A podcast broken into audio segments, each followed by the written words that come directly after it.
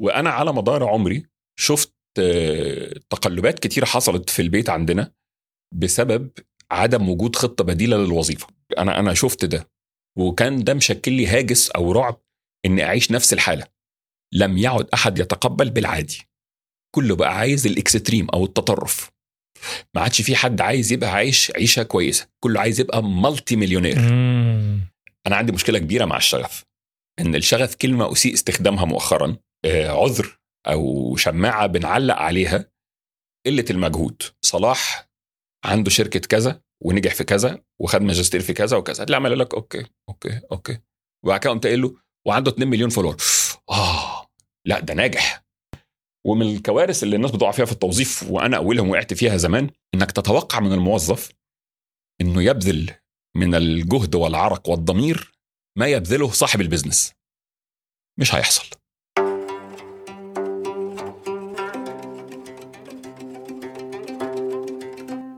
مرحبا بمتابعين بودكاست مدرسة الاستثمار. معاكم أخوكم منصور الدرعي. قابلنا الليلة صلاح أبو المجد. صلاح هو استشاري مدرب مبيعات ورائد أعمال. سولفنا الليلة عن الفشل أكثر من النجاح وخبرنا بتفاصيل فشله في مشروعين. آه، قصة فيها تفاصيل. آه، تفيد كل شخص راح ينشئ شركة أو شخص يدير شركة حالياً. لأن ممكن من خلال آه، هذه القصة يتجنب آه، أخطاء يقع فيها الكثير. آه، شكرا للمتابعين اللي دائما يتحفون بتعليقات إيجابية وشكرا كذلك للي ينتقدون. الانتقاد والشكر هو أفضل هدية لنا نحن لأن من خلاله تساعدونا على الانتشار وشاكرين ومقدرين دعمكم المستمر. فأهلا وسهلا يا أهلا مرحبا. وصلاح منورنا كم يوم صار لك في الإمارات؟ آه كام يوم صار لي في الإمارات بقالي أسبوعين أهو أسبوعين آه. شغل ولا شغل كان عندي كذا كورس هنا وكنت آه بخلص آخر ستبس لاستلام الاقامه الذهبية الحمد لله مبروك مبروك الله يبارك فيك، تكلمنا. طبعا عنها تسلم. آه، طريقة التقديم كانت آه، أونلاين ولا تواصلوا معك الجماعة؟ لا دايرة الاقتصاد والسياحة في دبي تواصلوا معايا. و يعني أنا أنا كنت منبهر من طريقة التعامل بصراحة يعني. حلو. كانوا مجهزين sales pitch بتاعت مبيعات كاملة. لعباتك عاد آه. بص إحنا we need talents معانا هنا في الإمارات وأنت talent وبتاع فحسسوني يعني كأن أنا واحد منهم قبل ما أجي يعني بصراحة. الحمد لله. was like one day هو يوم واحد والمواضيع كلها خلصت. ما شاء الله. الحمد لله. تستاهل الله يخليك. زين صلاح لو نتكلم عن قصة صلاح من البداية. أوكي. قصة صلاح من البداية آه، كلها كانت وليدة الاضطرار والحاجة. يعني أنا ما كنتش وأنا متخرج من الجامعة أو أنا في المدرسة كان ده اللي بطمح إن أنا أوصل له. آه، أنا اتولدت آه، في الخليج في سلطنة عمان وفضلت عايش فترة. وبعد كده اتنقلت على مصر فكان في نوع من الصدمة الثقافية في التعامل ما بين المدرسة في عمان والمدرسة في في مصر. فكنت إلى حد كبير منبوذ. وما كانش عندي. منبوذ في مصر. يس. دايما الجديد على المجتمع اللي بقاله سنين مع بعضه بيبقى منبوذ من الناس. تقريبا صف كم هناك رحت؟ رحت هناك الصف الخامس الابتدائي. خلاص كنت عماني.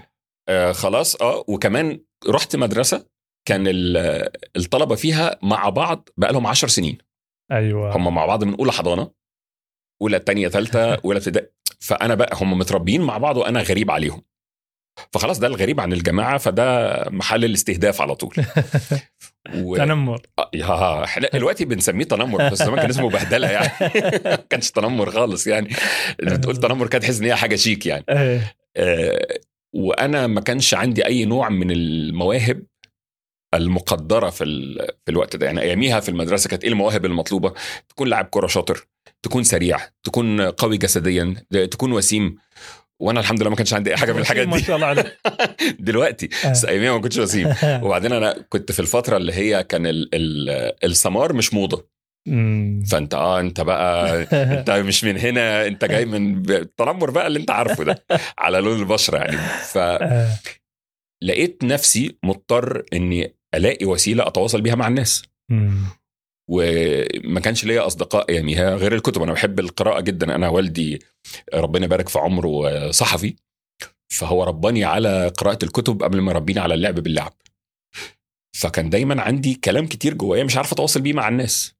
ف... ف... ودي من اللحظات اللي أدركت فيها بدري إن كون حضرتك ذكي أو شاطر أو عندك معلومات دي مهارة في مهارة تانية خالص اسمها القدرة على التواصل لأن مش كل من عنده علم أو عنده معلومة يقدر يوصلها للآخرين ممكن المعلومة تقف عند حضرتك. ففضلت بالتجربة والخطأ طبعا ما كنتش أعرف أصلا إن في حاجة اسمها مهارات ال- الناعمه أو ال soft skills أو مهارات التواصل ما كنتش أعرف الكلام ده. قعدت أجرب شوية طرق كده علشان أخلي زمايلي يحبوني. طبعا الوضع صعب كتير. والله. آه. على الطفل صعب صراحة طبعا. طبعا. ففضلت أحاول أحاول أحاول والموضوع مثلا أخذ مني بتاع إيه 10 سنين على ما جاب نتيجة. بس زي ما قلت لحضرتك أنا كنت بعمل ده عشان ما عنديش بديل تاني أنا كنت محتاج يبقى عندي أصحاب ومعارف وكده. وبعد كده دخلت كلية الحقوق الحقوق واتخرجت منها. وإحنا في عندنا بعد كلية حقوق بتقعد سنة أو سنتين آه، مستني التعيين. فأنا في السنة أو في السنتين دولت آه، قررت إني أشرح لمجموعة من زمايلي مواد قانون باستخدام مهارات التواصل اللي أنا أعرفها قبل كده وأنا كمان بحب القانون وبعرف أشرحه. فسبحان الله بدأت في الموضوع والحاجة اللي كان المفروض تبقى مؤقتة استمرت فترة طويلة يعني فضلت أنا بدرس قانون واقتصاد لطلبة آه، حقوق بشكل private مش في الجامعة آه، حوالي 15 سنة. وفي الفترة دي أخدت آه، حصلت على درجة الماجستير من جامعة عين شمس وبعد كده أخدت ماجستير تاني في القانون من جامعة إنديانا بوردو في آه، أمريكا. وعلى التوازي لده كنت بحاول في my own business كانت أنا جاي من عيلة موظفين. آه، عيلتي كلها موظفين ما فيش عندنا businessman أمان خالص. وظيفي راتب تقاعدي. ما فيش بقى هو ده. آه، انت عارف ال- الكتاب بتاع ريتش داد بور داد الأب الغني والأب الفقير نعم. نعم. آه، اتعلم كويس تشتغل شغلانة كويسة تقبض معاش كويس تعيش حياة كريمة وأنا على مدار عمري شفت آه، تقلبات كتيره حصلت في البيت عندنا بسبب عدم وجود خطة بديلة للوظيفة أنا أنا شفت ده وكان ده مشكل لي هاجس أو رعب إني أعيش نفس الحالة مم. أنا مش عايز أتحط في الموقف ده تاني مع مراعاة برضو إن أياميها كان الحياة أبسط من دلوقتي وأسهل بكتير وكانت التقلبات مش قاسية. دلوقتي التقلبات قاسية جدا. فعلا. يعني أنت زمان كان لو حصل مثلا drop 40 50% من دخلك هتقدر ت survive زمان. دلوقتي لو حصل drop 25% ممكن الدنيا تتبهدل يعني. لأنه اوريدي حاصل بطريقة غير مباشرة. مظبوط. مظبوط. فبلا إرشاد ولا مثل يحتذى به. اضطريت ألجأ للوسيلة الوحيدة المتاحة أياميها وهي التجربة والخطأ. بس هي ما كانتش تجربة وخطأ هي كانت خطأ وخطأ بس أنا فضلت أخطئ بس. فضلت شوية سنين كده أخطئ بس. آه، بس زي ما بقول لك أنا كان بيحركني الرعب والخوف من إن الوظيفة تضطرني إن مستواي المعيشي يحصل فيه مشكلة.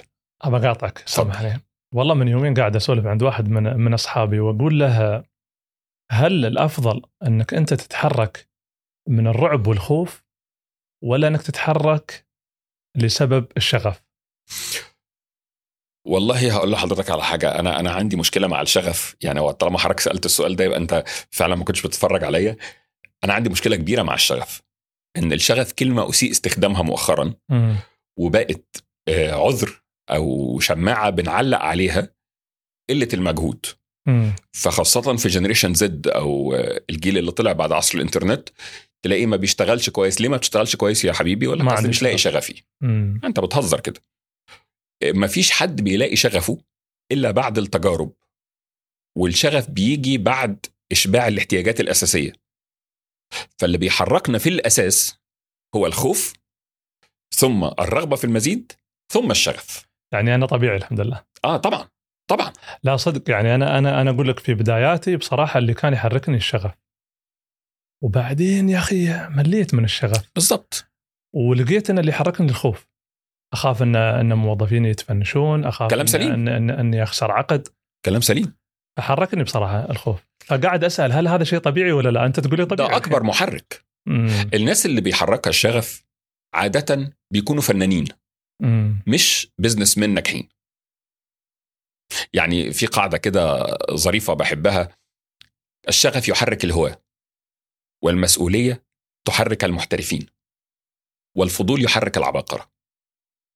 فالنهاردة لما تلاقي آه، أنا متفهم تماما إن يكون عندك شغف في هوايتك وليكن حضرتك بتشتغل آه، وظيفة كذا وشغفك ال- الموسيقى بتحب تلعب عود. بالليل روح العب عود ومارس شغفك واعمل اللي أنت عايزه. دخلت بس- فلوس خير وبركة ما دخلت. حلو قوي. إنما لو شغفك ما بيكفيش احتياجاتك يبقى ينزل من بند الوظيفة لبند الهواية. مم. ينزل في الأولوية. ما ينفعش يبقى هو اللي أنا بيحركني الشغل كلمة اسيء استخدامها بسبب ال social media. بقى في نوع من القطبية. ال- ال social media حرقت العادي. لم يعد أحد يتقبل بالعادي. كله بقى عايز ال extreme أو التطرف. ما عادش في حد عايز يبقى عايش عيشة كويسة. كله عايز يبقى multi-millionaire مم. مفيش حد عايز يبقى بيترقى في وظيفته كل واحد عايز يبقى ال business owner عايز يبقى CEO هذا وهذا مش مش مش الوضع الطبيعي كارثة. ابدا. كارثة. لأن حضرتك لما بتعلي التوقعات وتخبط في حائط تصطدم بحائط الواقع بتلاقي النتيجة إحباط. يا أوهام. فبتلاقي مثلا شباب لسه متخرجين من الجامعة ما كملش خمس ست شهور بيقدم ال CV بتاعه بيقدم السيرة الذاتية بتاعته. ألاقي CEO founder co-founder انت عملت الكلام ده إمتى يا؟ طب انت طب انت CEO جاي عندي تشتغل طالب تدريب. هدربك إيه وانت CEO ويجي بقى عنده شوية توقعات. أنا هاخد التدريب ده وأروح افتح شركة تنافس الشركة دي. مم. فالتطرف والمغالاه في إظهار العواطف حرقها. خلى ملهاش معنى. حتى في العلاقات. كل الناس بقت بتغالي إن إحنا عايزين نثبت للناس إن العلاقة الرومانسية اللي إحنا فيها هي قصة خيالية أسطورية بفرح أسطوري لدرجة إن الناس وأنا قلت الكلام ده قبل كده بقت واقعة في غرام العلاقة وإظهارها أمام الآخرين أكتر من وقوعها في غرام الشخص المحبوب. يعني أنا مش فارق معايا الشخص اللي أنا بحبه أنا فارق إن الناس تعرف إن أنا عايش قصة حب. مش فارق معايا أنجح أنا فارق معايا الناس تشاور عليا تقول ناجح. هل النقطة. هل هذا السبب اللي يخليهم يصورون؟ ويشاركون حياتهم؟ 100% مم.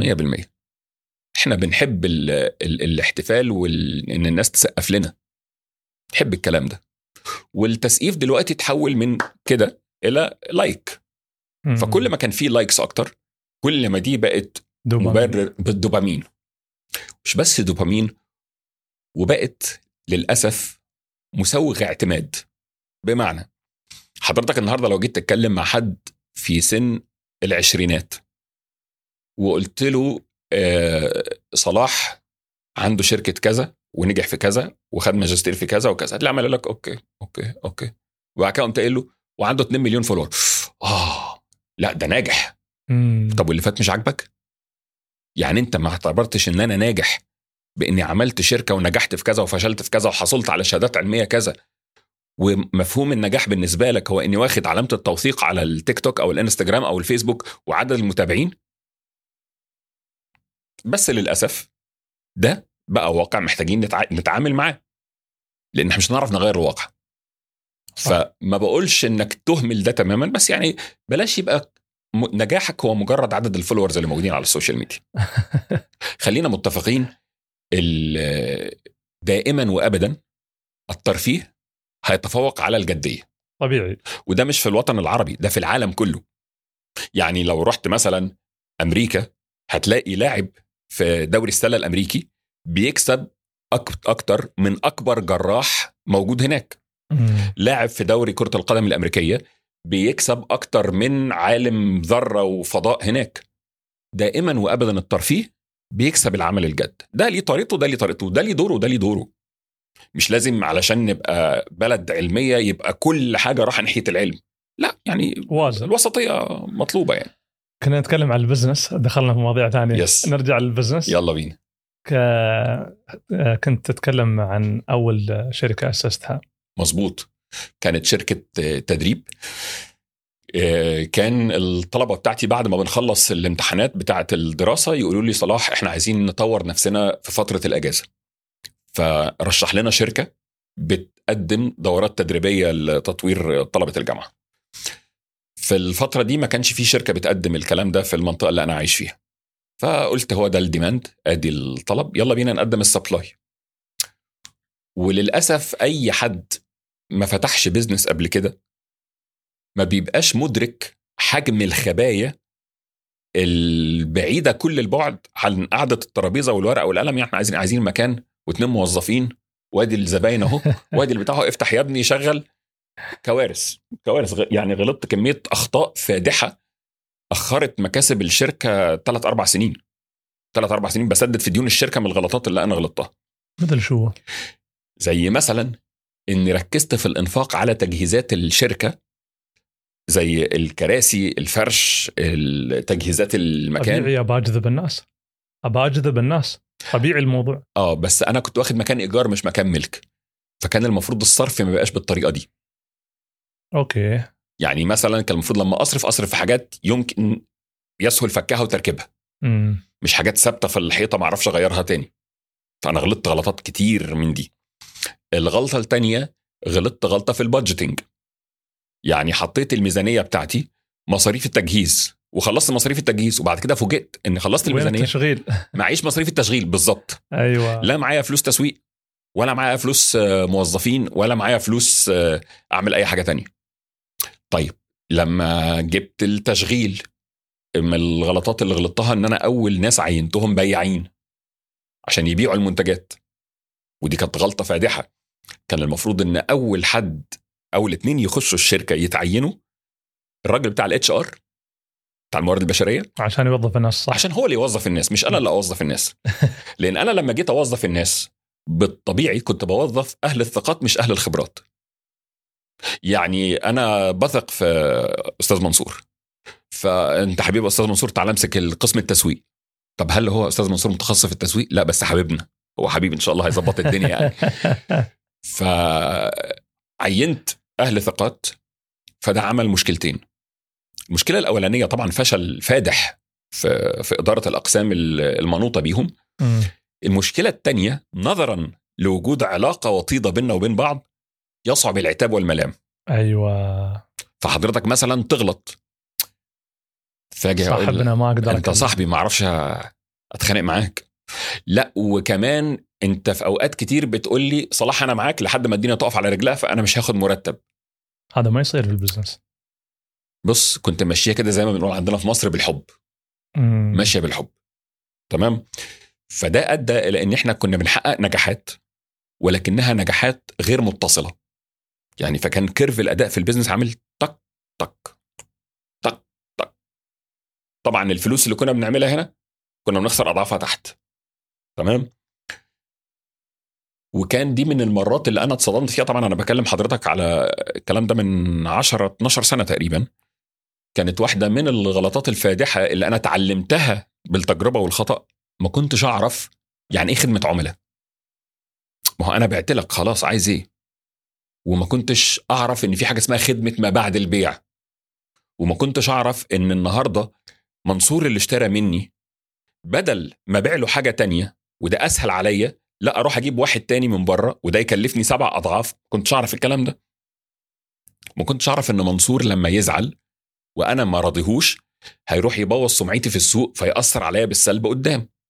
طبعا كل الحاجات دي اتعلمتها بالتجربة والخطأ. ودفعت عليها. يو وما كانش فيه زي ما قلت لحضرتك عندنا م... يعني العيلة كلها موظفين فما فيش حد أسأله.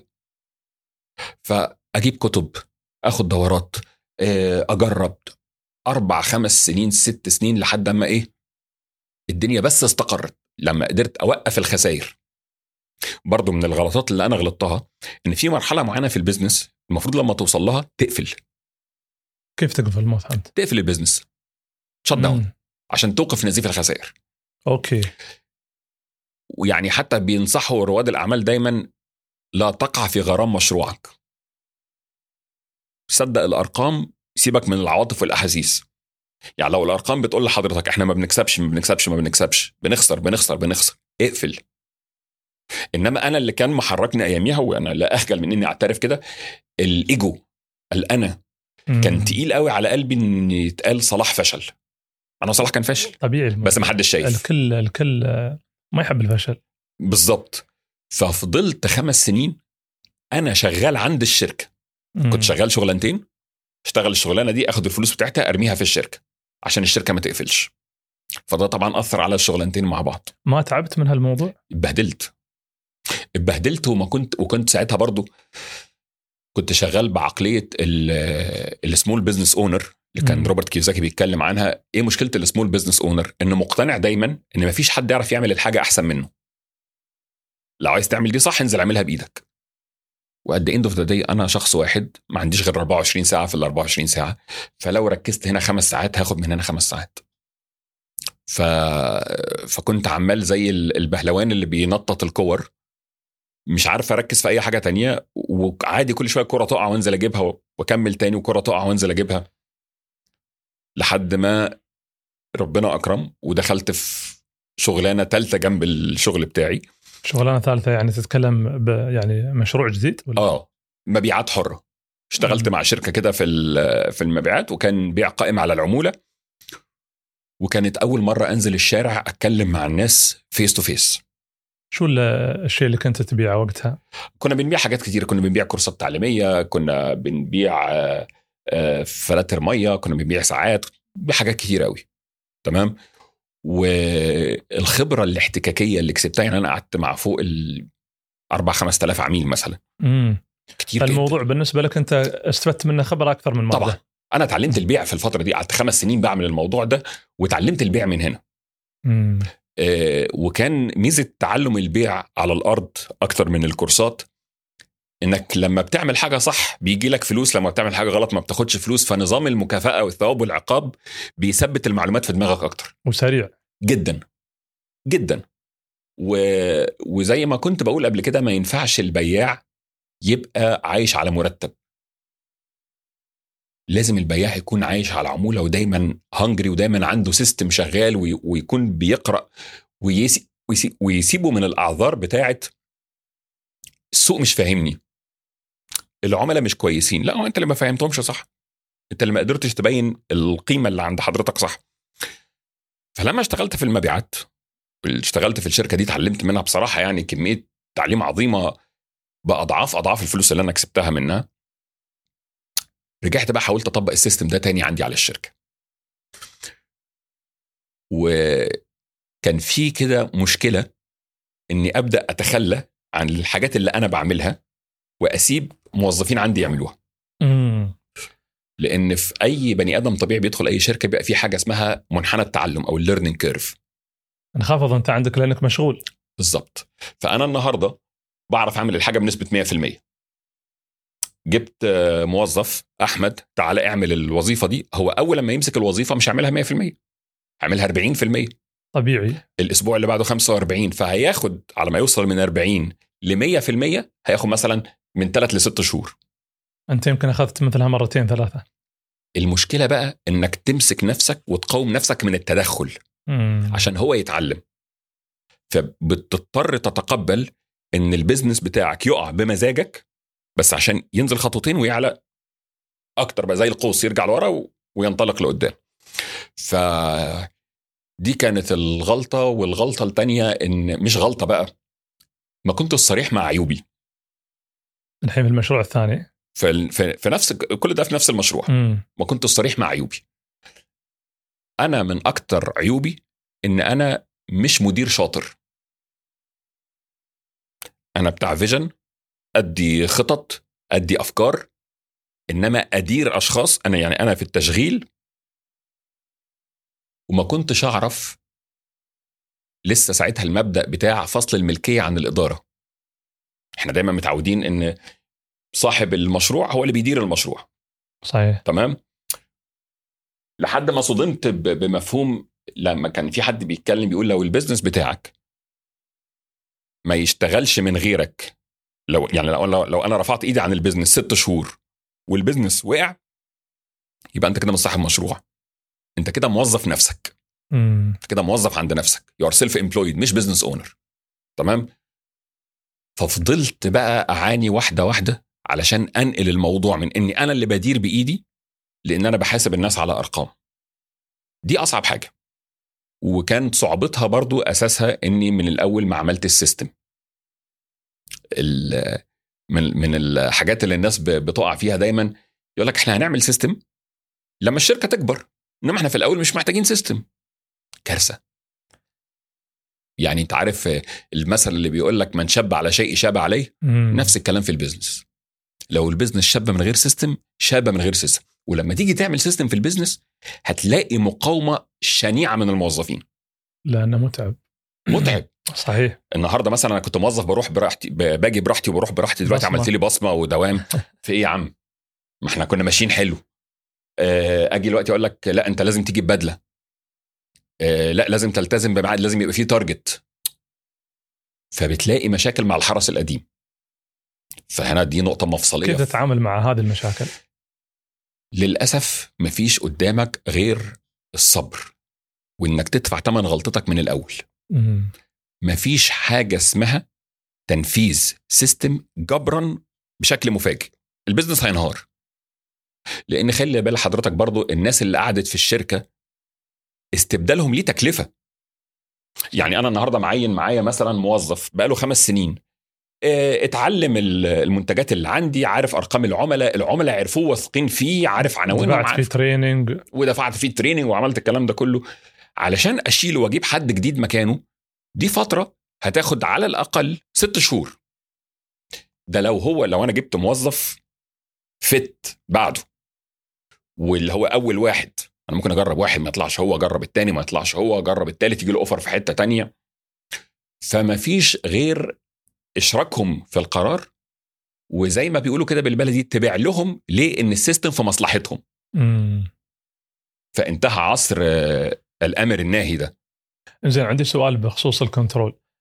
آه، هل أنت مع أو ضد control اللي هو اللي آه، اللي يراقب ساعات عمل شاشة الكمبيوتر؟ أنا أوكي البصمة خلاص الناس تعودت عليها بس مراقبة ساعات العمل على شاشة الكمبيوتر هذا من الأشياء الجديدة. من الأشياء الجديدة فعلا ودي من مستحدثات الكورونا وال working from home العمل من بالضبط. المنزل. خلي بال حضرتك إن دي كانت حاجة جديدة على العالم كله ما كانش ليها مرجعية. فالقاعده في الإدارة بتقول you can't manage what you can't measure لا يمكنك أن تدير ما لا يمكنك قياسه. تمام؟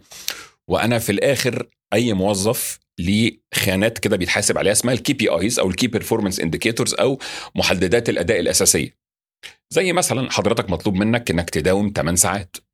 مطلوب منك إنك في الثمان ساعات دول تطلع مثلا على سبيل المثال 10 مكالمات.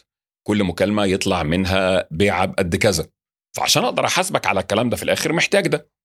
خاصة لو كانت الإنتاجية بتاعت حضرتك مربوطة بالشغل على الشاشة.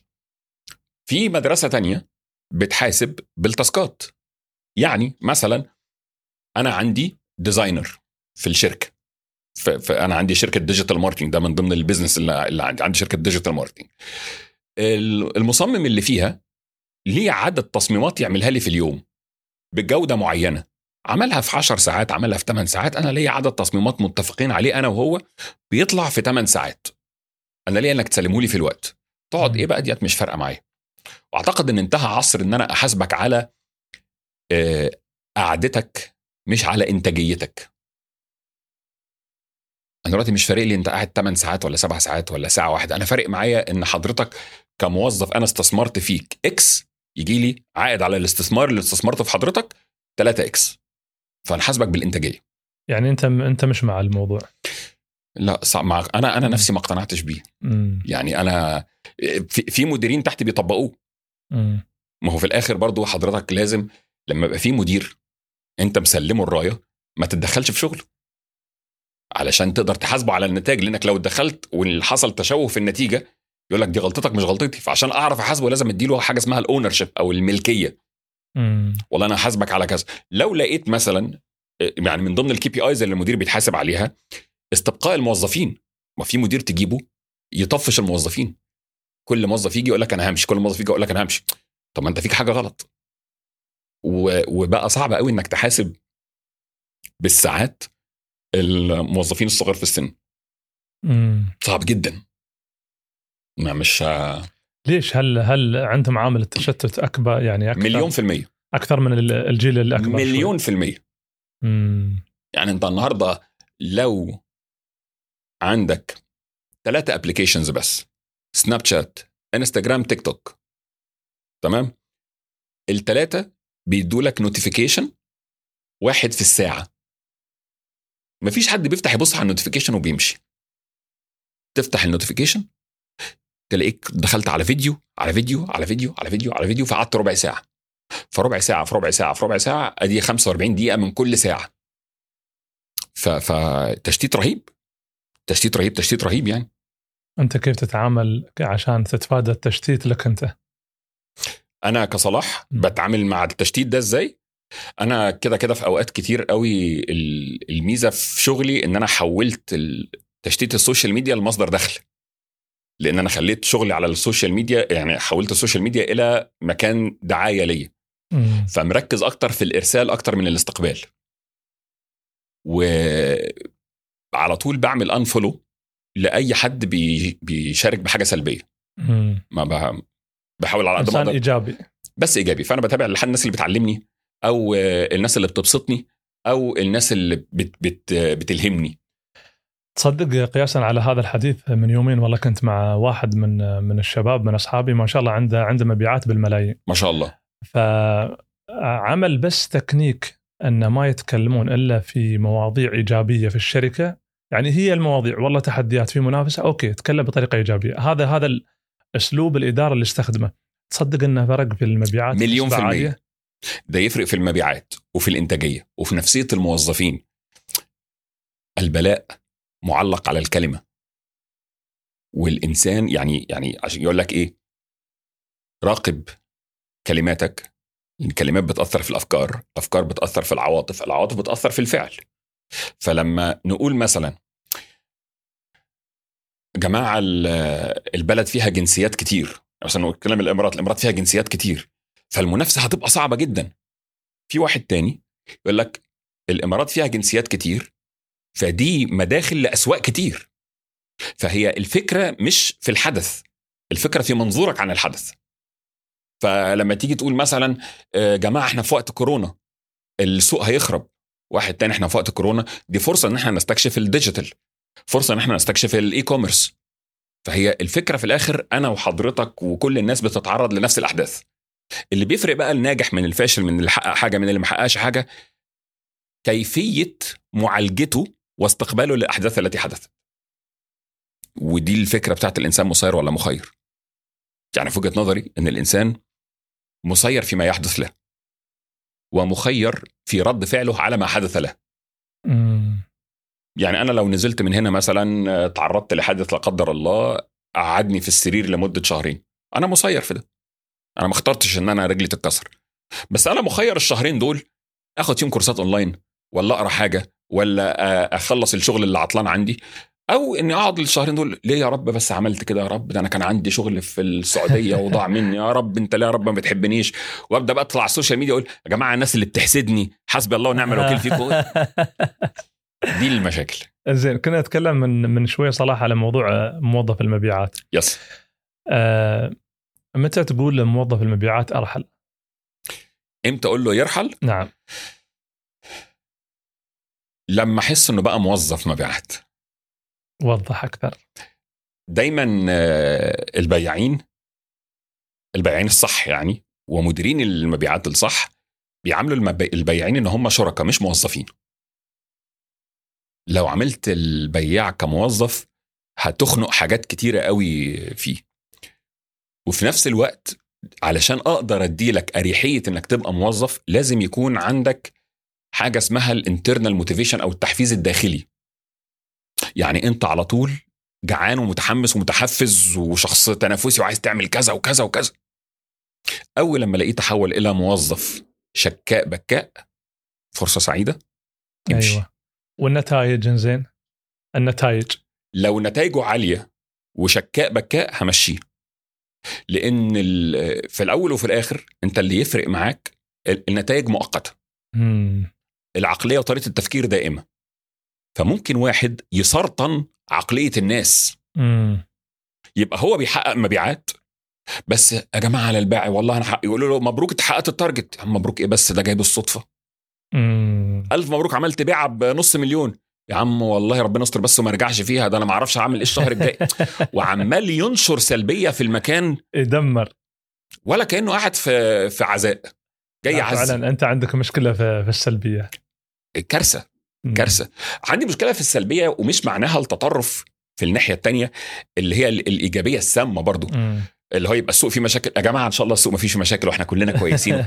إحنا أنا عايز عقلانية. مم. عايز عقلانية ودايما أنا يعني بتكلم مع الموظفين بتوعي لما حد يجي لي مشكلة ما تجيليش بمشكلة من غير حل ما تعترضش على حاجة من غير بديل مم. يعني قول لي صلاح أنا لقيت مشكلة وبقترح إن إحنا نعمل واحد اتنين تلاتة إنما صلاح أنا لقيت مشكلة وتسكت مش هرد عليك مش مش هرد عليك أصلا زين أول شركة اللي خسرت فيها آه. تتذكر كم كم صرفت فيها؟ آه، صرفت فيها يعني بأسعار 2016 يعني قبل البتاع نقدر نقول مثلا ما يعادل قلبي وجعني قوي حاسس والله حاسس بحاول أحسب ال- الرقم بالدولار. أسهل. آه. يعني كان ب 12 يعني- يعني حوالي فوق نص مليون دولار. يا رجل. يس. والله مبلغ كبير. جدا. وخمس سنوات من عمرك. وخمس سن وده أغلى من النص مليون. بس أنا صدقني والله مش بإيجابية مفرطة أنا متأكد إنك طلعت بخبرة قيمتها أعلى من هذا المبلغ. والله أنا مؤمن إن النجاح ما بيعلمش حاجة. الفشل هو اللي بيروض مهاراتك وعقليتك وطريقة تفكيرك. يعني في ناس مثلا بتشوفني دلوقتي ممكن تقول عليا أنا ناجح. كنت قاعد في فتره من فترة كده إيه بتكلم مع ربنا سبحانه وتعالى بناجيه كده. بقول يا رب أنا عشان أوصل للحتة اللي أنا فيها دي أنا اتبهدلت كتير قوي فكان لازم يعني توريني البهدلة دي. بعد كده ربنا ألهمني والله بحاجة. لو كان اللي أنا فيه دلوقتي جه قبل ال- الفشل والمطبات اللي أنا وقعت فيها غالبا كنت هدمر النجاح اللي أنا فيه ده بإيدي. عامل بالظبط زي الفتى المدلل اللي أبوه مات وساب له ورث كبير من غير ما يعلمه يديره. فايزي كم ايزي جو هيفضل يصرف ويبوظ ويروح ويجي وينام يصحى يلاقي نفسه مفلس. على عكس اللي عرف قيمة القرش. فأعتقد أعتقد إن الحاجات اللي أنا مريت بيها ال- الفشل اللي أنا مريت بيه كان ناجح كان ناجح إن هو يعلمني ويربيني بس علشان بس الناس ما تاخدش الكلام. أنت مش بس محتاج تفشل أنت محتاج تفشل وتمسك ورقة وقلم وتاخد دروس من الفشل وإلا مش هيبقى له لازمة. يعني لازم بعد كل محطة وقعت فيها تجيب ورقة وقلم وتبقى محايد وما تبقاش متحيز لنفسك لأن إحنا عندنا عقدة استحقاق. ليه منصور نجح وصلاح ما نجحش؟ يا عم أصل منصور مع واسطة. أصل منصور معاه فلوس. اصل منصور حظه حلو. إيه كله منصور صلاح ما أثرش في حاجة خالص؟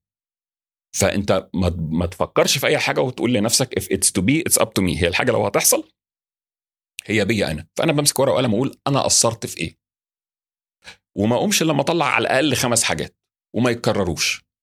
المشكلة بقى إن ال business للأسف متشعب أقسام. فأنت ممكن تحل مشاكل التسويق ولسه ما حلتش مشاكل ال marketing ال business ما يقومش. فتحل مشاكل ال marketing والتسويق. عفوا آه، تحل مشاكل المبيعات. التشغيل قصدك. آه ال- المبيعات وما حلتش مشاكل التسويق. حليت التسويق وما حلتش التشغيل. التشغيل وما حلتش آه، الحسابات. وهو ال business عامل زي جسم الإنسان. أنت لو لو البني آدم عنده مرض في عضو معين في جسمه الجسم كله تداعى له باقي باقي الأعضاء. صح، نفس صح. الكلام في ال business. نفس الكلام في ال business.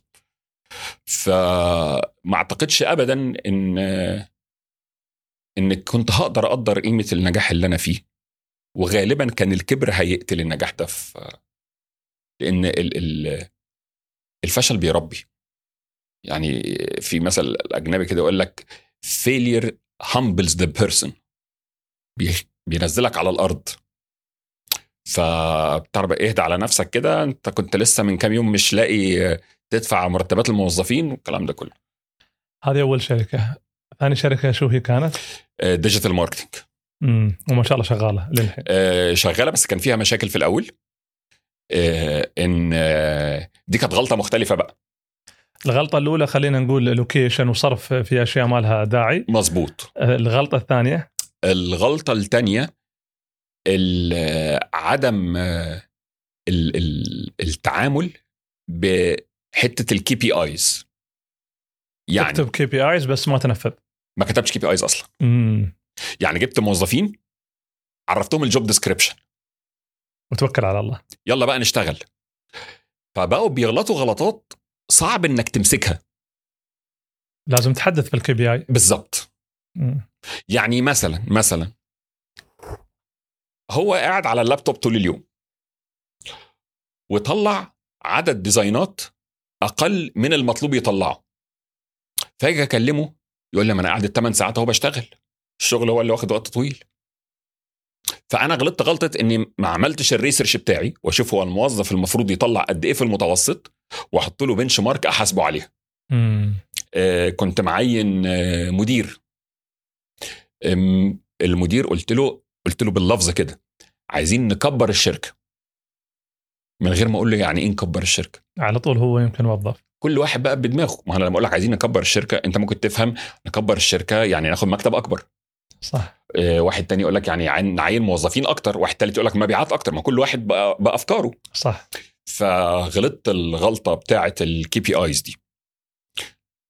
لحد ما آه، بس دي تداركتها بسرعة طبعا بسبب الأخطاء اللي كانت حاصلة قبل كده. يعني في الحمد لله في أقل من سنة قدرت يعني كان الشركة برضو وقعت في مديونيات والكلام ده كله بس في أقل من سنة لميت الموضوع كله بسبب خبرة المديونيات آه، صلاح كانت آه، مديونيات يعني بنكية ولا كنت يعني مقترض من مستثمرين ولا كيف؟ آه، كانت آه، مديونيات من آه، مستثمرين ومن آه، وللموظفين. ما أنا جيت غلطت غلطة عينت ناس كتير. ما قدرت تدفع رواتب. أنا قلت بقى تفادى الغلطة. الغلطة الأولانية إن أنا ما ما صرفتش على التعيينات. الغلطه الثانية صرفت كتير على هظبطها من هنا تبوظ من هنا. وقلت بقى أنا مش هغلط الغلطة دي أنا هجيب ناس محترفين في كل المجالات. ف دي كانت غلطة HR أنا غلطتها. إن الصح وأنت بتفتح شركة بلاش تجيب كل ال- الشركة محترفين. مش هتجيب كل برشلونة وريال مدريد. هو الصح تعمل إيه؟ تعين head محترف. وتخليه هو اللي يجيب التيم اللي تحته. لأن كان في جزء كبير من التطبيع الشركة في الأول إن آه، الناس مش متألفة مع بعض وغلطة كمان غلطة آه، فرق ثقافات. إن أنا كنت فاتح الشركة الأولانية بره القاهرة. الشركة الثانية فتحتها في القاهرة. ثقافة موظف القاهرة مختلفة تماما عن ثقافة موظف اللي بره القاهرة. موظف القاهرة عملي شرس آه، عارف هو عايز إيه. فلو ما حطيتش system واضح هياكلك. الموظف عندنا اللي بره القاهرة طيب وغلبان و... وتقول له كلمتين حلوين يتبسط والكلام ده كله. ففي كانت غلطة إن أنا دي كانت غلطة culture ما ما درستش السوق. زي مثلا إن واحد يجي آه، من من مصر يفتح شركة هنا يعين موظفين من جنسيات تانية ويعاملهم بنفس عقلية ال- الإدارة المصرية. لا في في متطلبات ثقافية لازم تاخد بالك منها. بس زي ما قلت لحضرتك دي تم تداركها بسرعة يعني آه، رهيبة الخسائر كانت كبيرة هنا ولا لا لا لا خفيفة؟ آه، الخسائر اتلمت على طول ما لأن- تحس إن هاي الشركات الخدماتية يعني أرباحها أكثر من خسائرها؟ والله ده ده حاجة دايما دايرة في دماغي. آه، ميزة شركات الخدمات إن هي ما فيش ليها fixed asset في الأول كبير يعني غير إن أنا أفتح مصنع صح. محتاج مكن وعماله وتوظيف وبتاع. ولكن تطور ال- عالم الأعمال الفترة دي بدأ يوجد حلول. فدلوقتي بقى عادي جدا إن حضرتك يكون عندك brand تصنيعية عملاقة ولا تملك ولا مصنع. لأن بقى في دلوقتي حاجة اسمها التصنيع لدى الغير والتصنيع للغير. مم. يعني في مصانع زي مثلا حضرتك النهارده آه، ابتكرت آه، براند ل ال- كريم الحلاقه الرجالي بتاع الدقن تمام؟ وسميته منصور. مش لازم يكون عندك انت المصنع تروح لمصنع بتاع كي- تركيبات كيميائية تقول له كذا اعتماد وزارة الصحة طق طق وتعمل انت ال brand والتسويق. ده انت ممكن تعمل مشروع بالكامل من غير ما يكون عندك ولا قسم. عن طريق ال outsourcing مم. فأنت تتعاقد مع الشركة دي أنت تمسكي لي التسويق الشركة دي أنت تمسكي لي الحسابات المصنع ده أنت هتصنع لي مش عارف إيه. وأنت هتبقى دورك إيه you are connecting the dots بتوصل ال- النقط ببعضها فأنا ما أقدرش أقول الخدمات آه، مربحة أكتر من التصنيع لأن أنا هيفضل عندي تحيز للخدمات لأن أنا على طول بشتغل في الخدمات مم. طول عمري ده ده, ده شغلي بس اللي أقدر أقوله لحضرتك إن. الخدمات معتمدة على بني آدمين أكتر ما هي معتمدة عن الآلات. أغلاط البني آدمين أكتر من الآلات بكتير. ومزعجة أكتر. ومتعبة أكثر وال scalability فيها مش سهلة. ال scalability النمو فيها يعني بشكل آه. عام. آه. إيه. والله بصراحة ال- الموضوع موضوع بصراحة يعني بصراحة الموضوع اشوفه بحر. موضوع جداً. ال- الخدمات والتعامل مع الموظفين والأخطاء. وين أكبر خطأ سويته في الشركة الثانية؟ اللي شركة ال digital marketing. أكبر خطأ سويته في الشركة التانية كان عدم الاهتمام بخدمة ما بعد البيع. مم. كنت بجيب عملاء كتير وبيشتروا بس ما بيعيدوش الشراء. فما كنتش بهتم إن أحل المشكلة دي. ما طالما المبيعات شغالة خلاص. فالمشكلة إن أنت مهما كنت رجل مبيعات ناجح ومهما كان فريق المبيعات ناجح بعد فترة دايرة معارفك هتخلص. فلازم من كل واحد بيجي نجاحك مش إنك تبيع له ده ده أول خطوة في النجاح. تاني خطوة في النجاح إنك تبيع لناس من دايرته. وده. مش هيحصل إلا لما إرضاء العميل يبقى أعلى من توقعات العميل. ففي المرحلة دي تعلم وخاصه خاصة في الخدمات انت ما بتبيعش للراجل منتج صلب. انت بتبيع له حاجة معاييرها تختلف. يعني النهارده لما ابيع لحضرتك مثلا خدمات تسويقية انت ممكن يبقى رأيك فيها ان هي وحشة وأنا رأيي فيها ان هي حلوة. فاللي هيحسم بينا في الآخر طريقة معاملتي معاك وإقناعي ليك. فدي كانت أكبر غلطة غلطتها في الشركة التانية. بس برضو الحمد لله ال ال الارتداد من الخطأ كان أبسط وأسهل وخسائره أقل بكتير من الشركة الأولانية. آه، حجم الش... آه، الشركة الأولى راحت ولا موجودة؟ موجودة موجودة. حجمها كيف؟ الحمد لله فريق العمل؟ آه علشان إحنا بنتكلم في خدمات إحنا يعني الشركة حاليا عندها تعاقدات الحمد لله مع أكبر شركات في العالم بت- بتدرب آه، آه، فر- فرق المبيعات في شركات كتير في الوطن العربي وفي العالم كله. ما شاء الله. الحمد لله. وال digital كيف حجمها؟ ال digital ده بقى لسه داخل فيه جديد. جديد. آه. لأن مهما كنت متطور أنا أنا من مواليد جيل ما قبل الإنترنت. فبفضل التفاعل ال face to face. تمام؟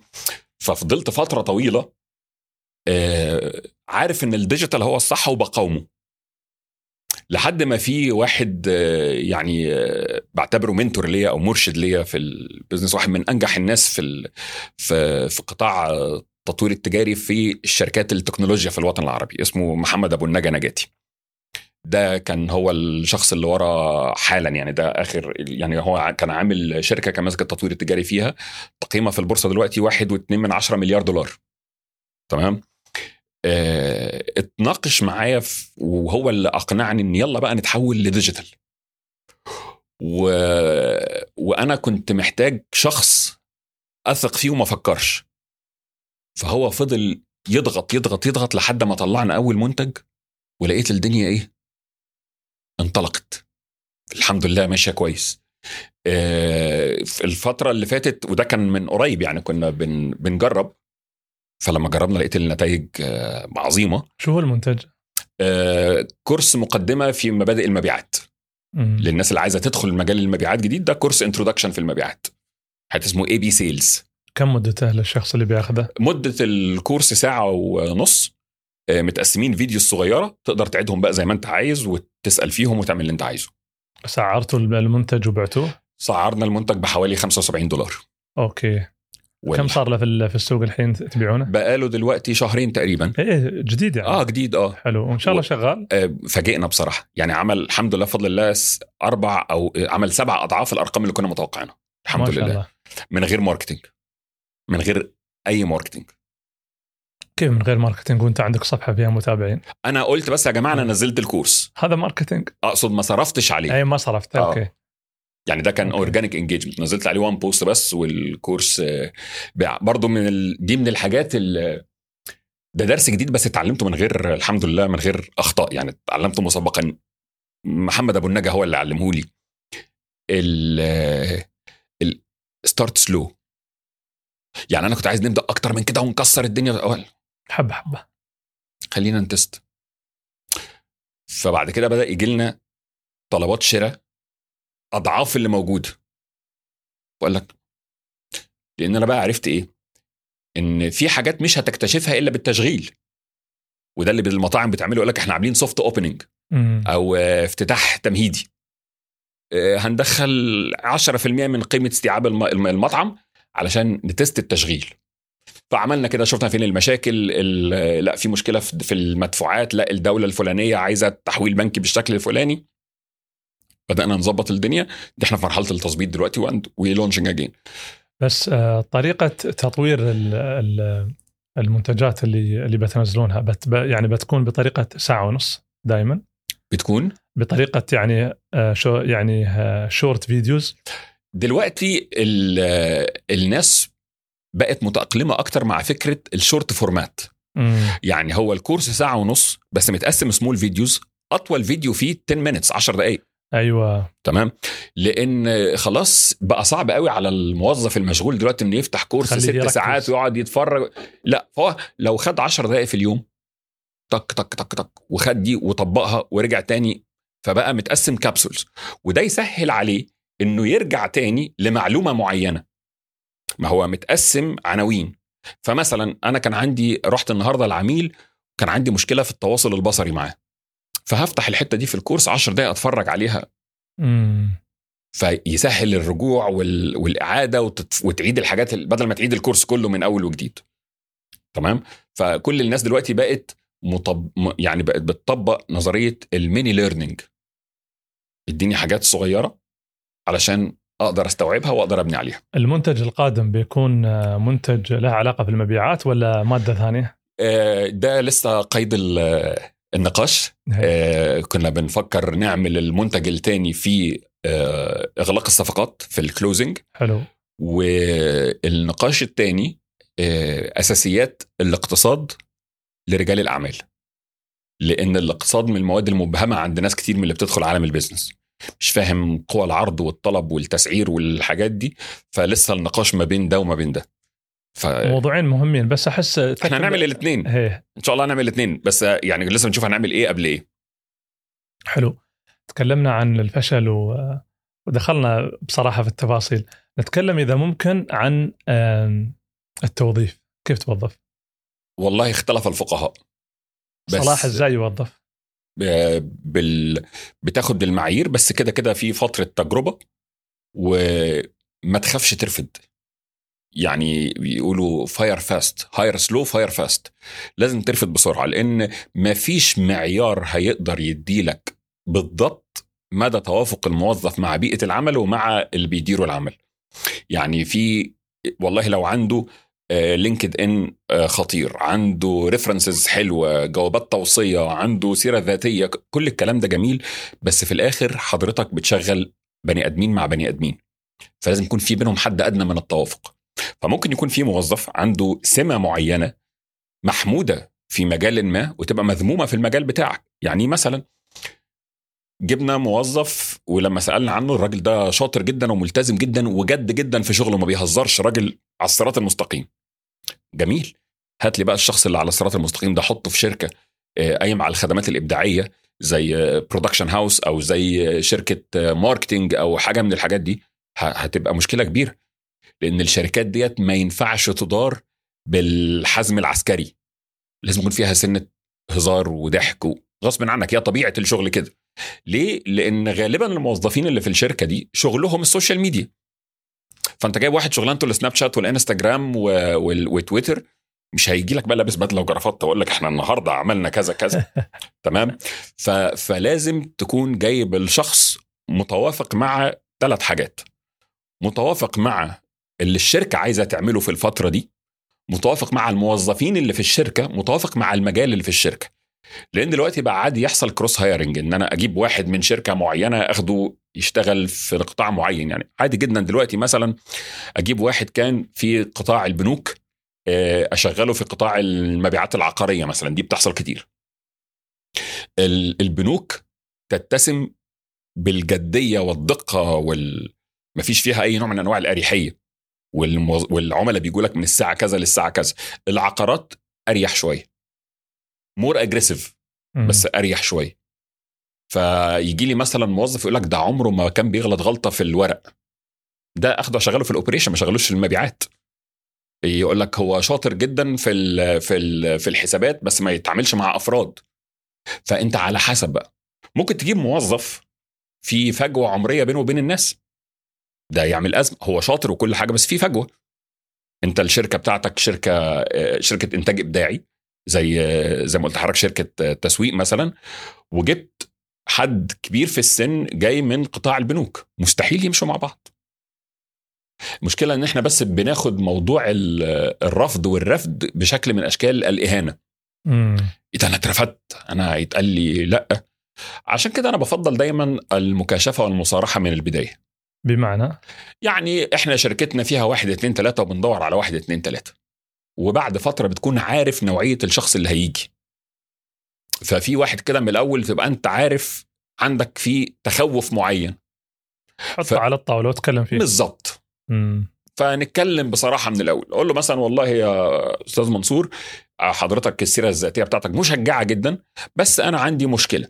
حضرتك النهارده آه، إماراتي والموظفين اللي في الشركة جنسيات مختلفة. أنا ما أعرفش حضرتك هتعرف تتأقلم مع هذا التنوع ولا لأ.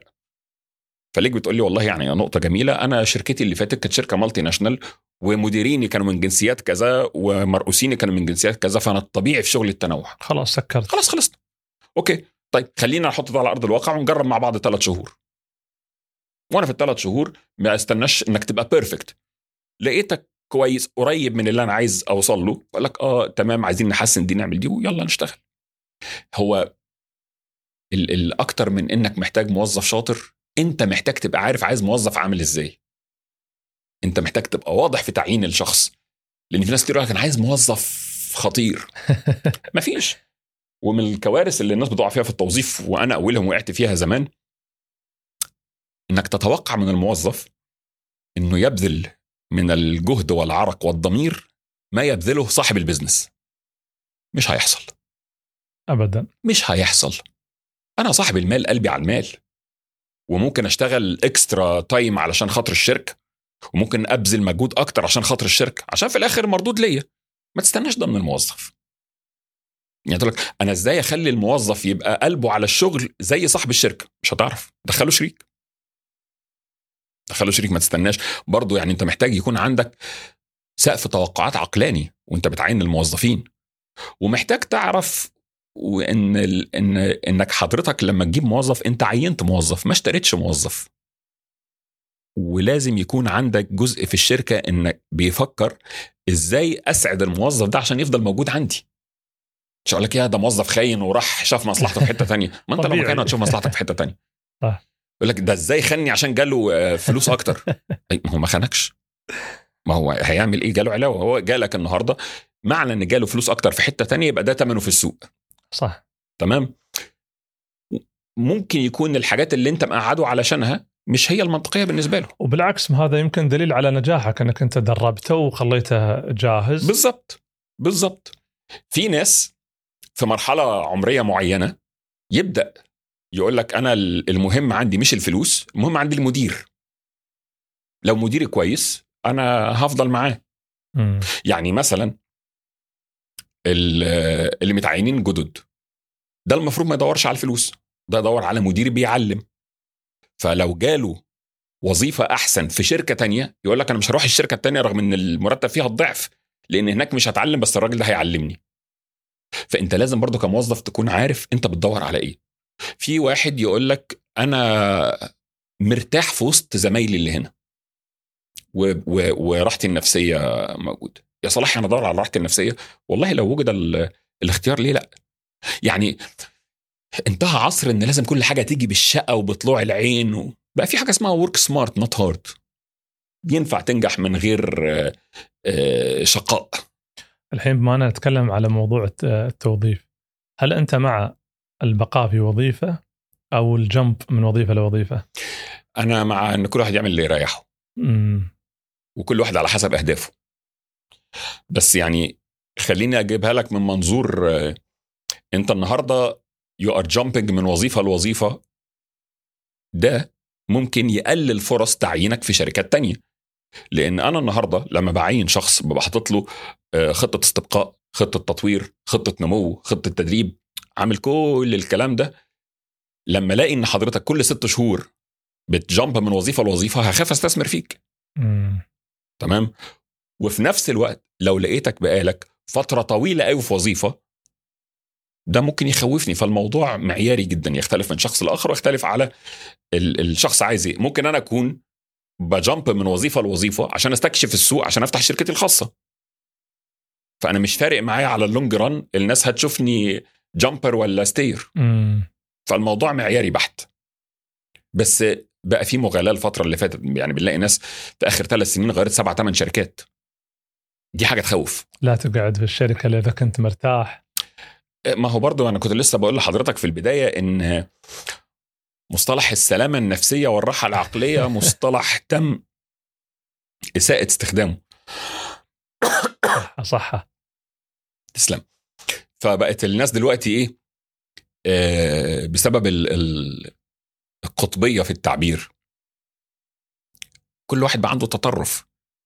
آه واحد مثلا المدير بتاعه قال له أنت ما بتعملش شغلك صح. بيئة عمل سامة. toxic work environment واحد جه متأخر عن ميعاده فالمدير بيقول له أنت ليه ما جيتش؟ آه يعني vibes الشركة مش عجباني. ما عندكمش bean bags ما عنده فالموضوع أسيء استخدامه. زي ما دلوقتي بسبب إحنا إحنا عشنا فترة يعني إحنا الجيل بتاعنا كان لا يعترف بالمرض النفسي للأسف ودي كانت كارثة كبيرة. ففي ناس كتير كانت بتتعرض لضغوطات وأمراض نفسية زي الاكتئاب و... ومتلازمات ال... ال... التوتر والقلق والكلام ده كله ما كانش بيعترف بيها. الطفرة اللي حصلت إن بقى في وعي مبالغ فيه لدرجة اساءه الاستخدام. فبقى ما أي حد متضايق شوية هو مش متضايق هو مكتئب فبقى في تطرف فمحتاجين نهدي ال- فعلا الاصطلاحات دي شوي. الموضوع حساس بصراحة. جدا جدا زين نروح لتشابتر المطعم ولا ولا لسه في الطريق حاجات ثانية؟ والله موضوع المطاعم ده أنا آه، لعبت فيه لعبة ظريفة كده آه، اتفقت إن أنا أجيب آه، راس مال وآخد نسبة شراكة في ال ال الشركة دي. مطعم قائم يعني؟ آه مجموعة شركة. مطاعم. آه، okay. شركة إدارة مطاعم. جميل. تمام وده كان بالنسبة لي investment مركون passive ماليش دعوة بيه خالص ولا أفقه عنه شيء. جبت فلوس حطيتها في ما شركة؟ جبتش جبت فلوس من مستثمر. okay. وال commission بتاعتها دخلت بيها ب share. حلو. فالشركة بقى بتشتغل. آه، ودي بقى من الحاجات اللي هنا بقى تطلع من عقلية الموظف وعقلية ال self-employed وال entrepreneur لعقلية ال investor ودي عقلية ليها مزايا مختلفة أو ليها سمات مختلفة تماما عن عقلية ال entrepreneur ال entrepreneur ده حامي رائد الأعمال ده حامي ومستعجل وعايز يقوم يعمل حاجة. ال investor صبور. ودايما كل تفكيره على ال long run وما يتدخلش في الإدارة حتى لو هي بتبوظ. مش بتاعته. ويعرف إن مش كل ال investments اللي هيحطها هتكسب. فعشان كده واحدة من أهم ال- المبادئ اللي يعني ألف ب استثمار التنويع. ت- لقيت مثلا فرصة في الحتة الفلانية فتلم فلوسك كلها وترميها فيها. زي ما حصل. وناس كتير اتبهدلت في في المضاربة في ال cryptocurrency في العملات المشفرة. قال لك البيتكوين فكله طلع يجري عليه. في ناس عملت فلوس وناس ما عملتش بس الموضوع هنا تحول من استثمار لقمار. بقى لعبة قمار. تمام؟ ومن الغلطات في الاستثمار إنك تمشي ورا الترندات. يعني في حد كده بحترمه جدا كان قال لي نصيحة جميلة في البيزنس في الاستثمار. قال لي حاول تستثمر في المشاريع المملة.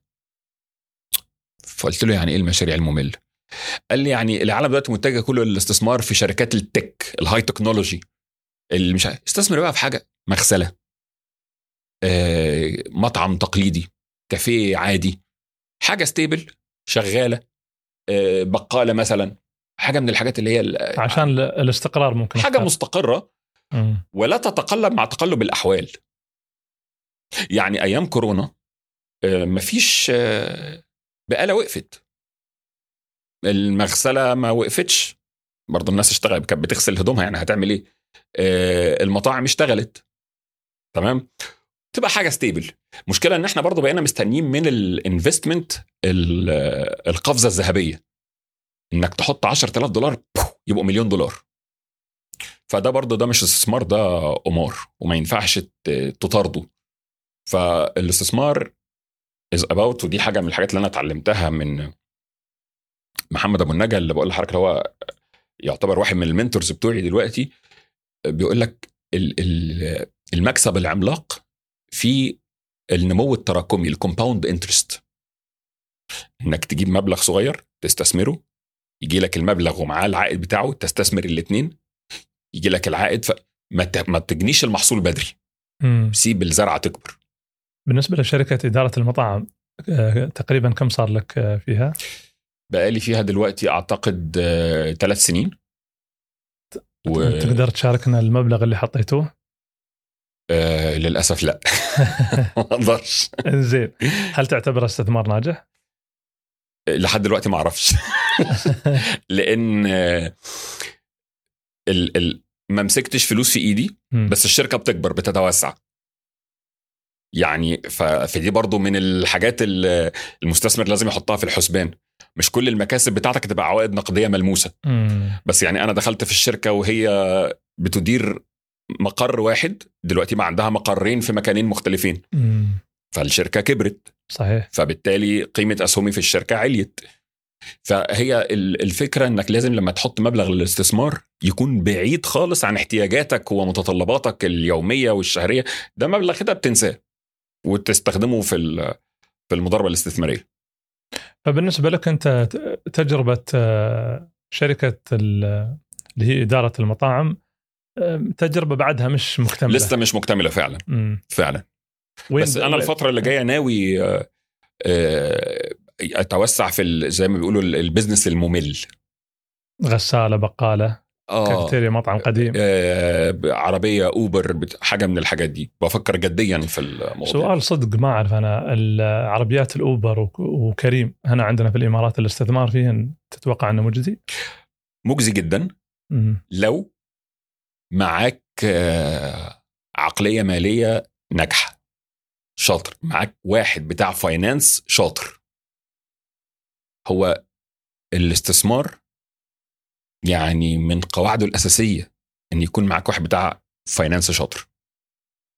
وإنك تعرف إن زي ما بقول لك الفوائد الصغيرة تتحط على بعض تصرف على حاجة تانية الدنيا تمشي بالمفهوم ده.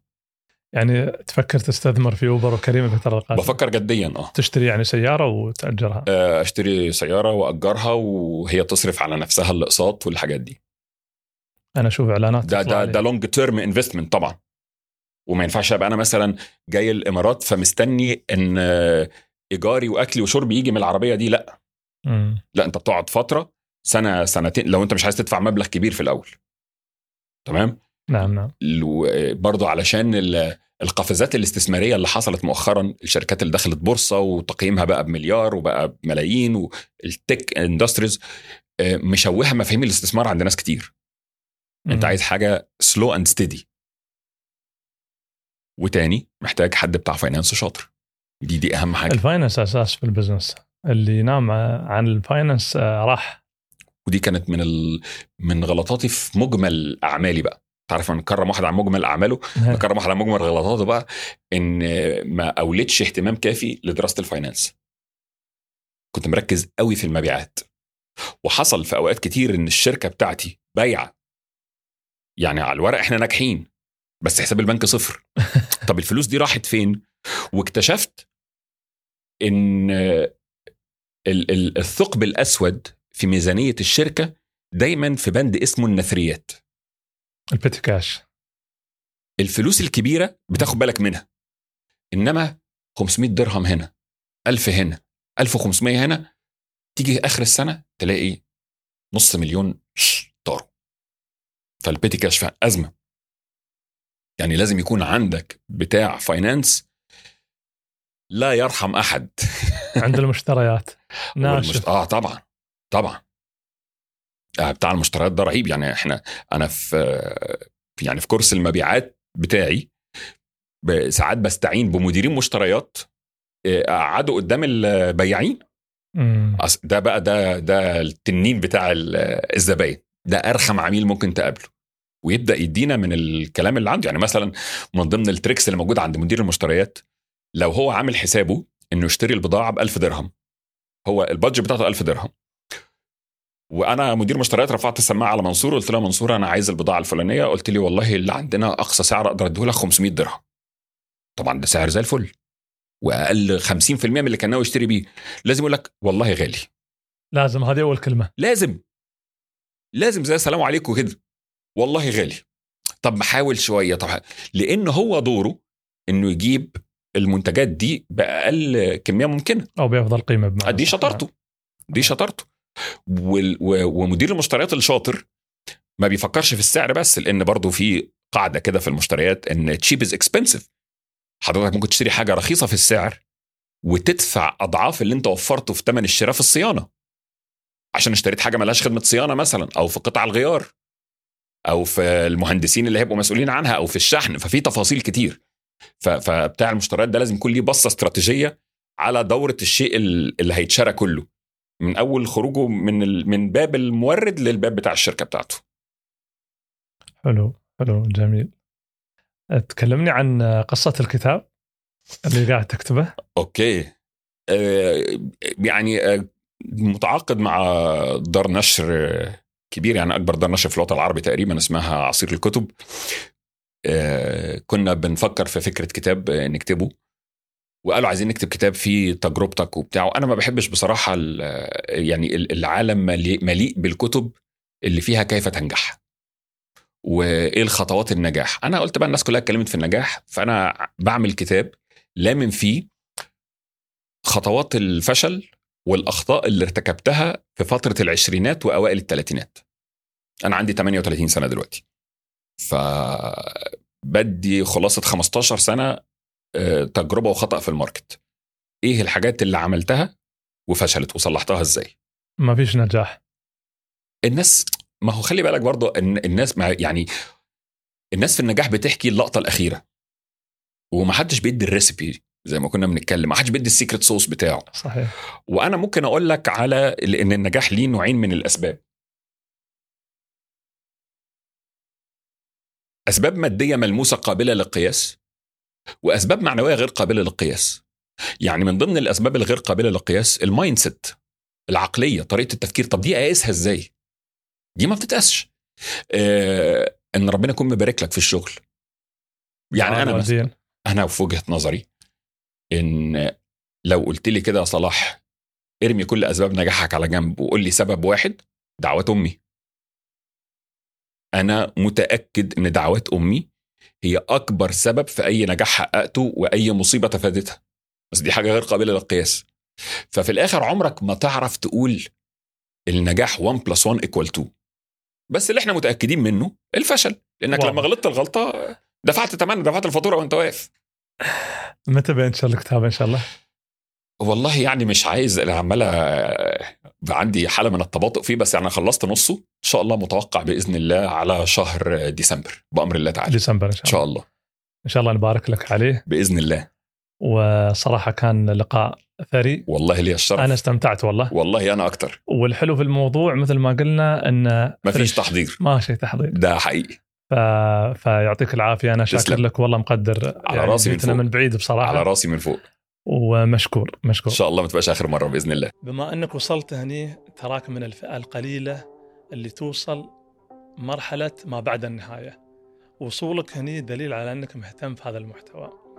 نشرك وإعجابك واشتراكك في القناة يساعدنا على الاستمرار وإنتاج محتوى قيم نفس هذا وأعلى. شكرا لك وأتمنى لك وقت سعيد.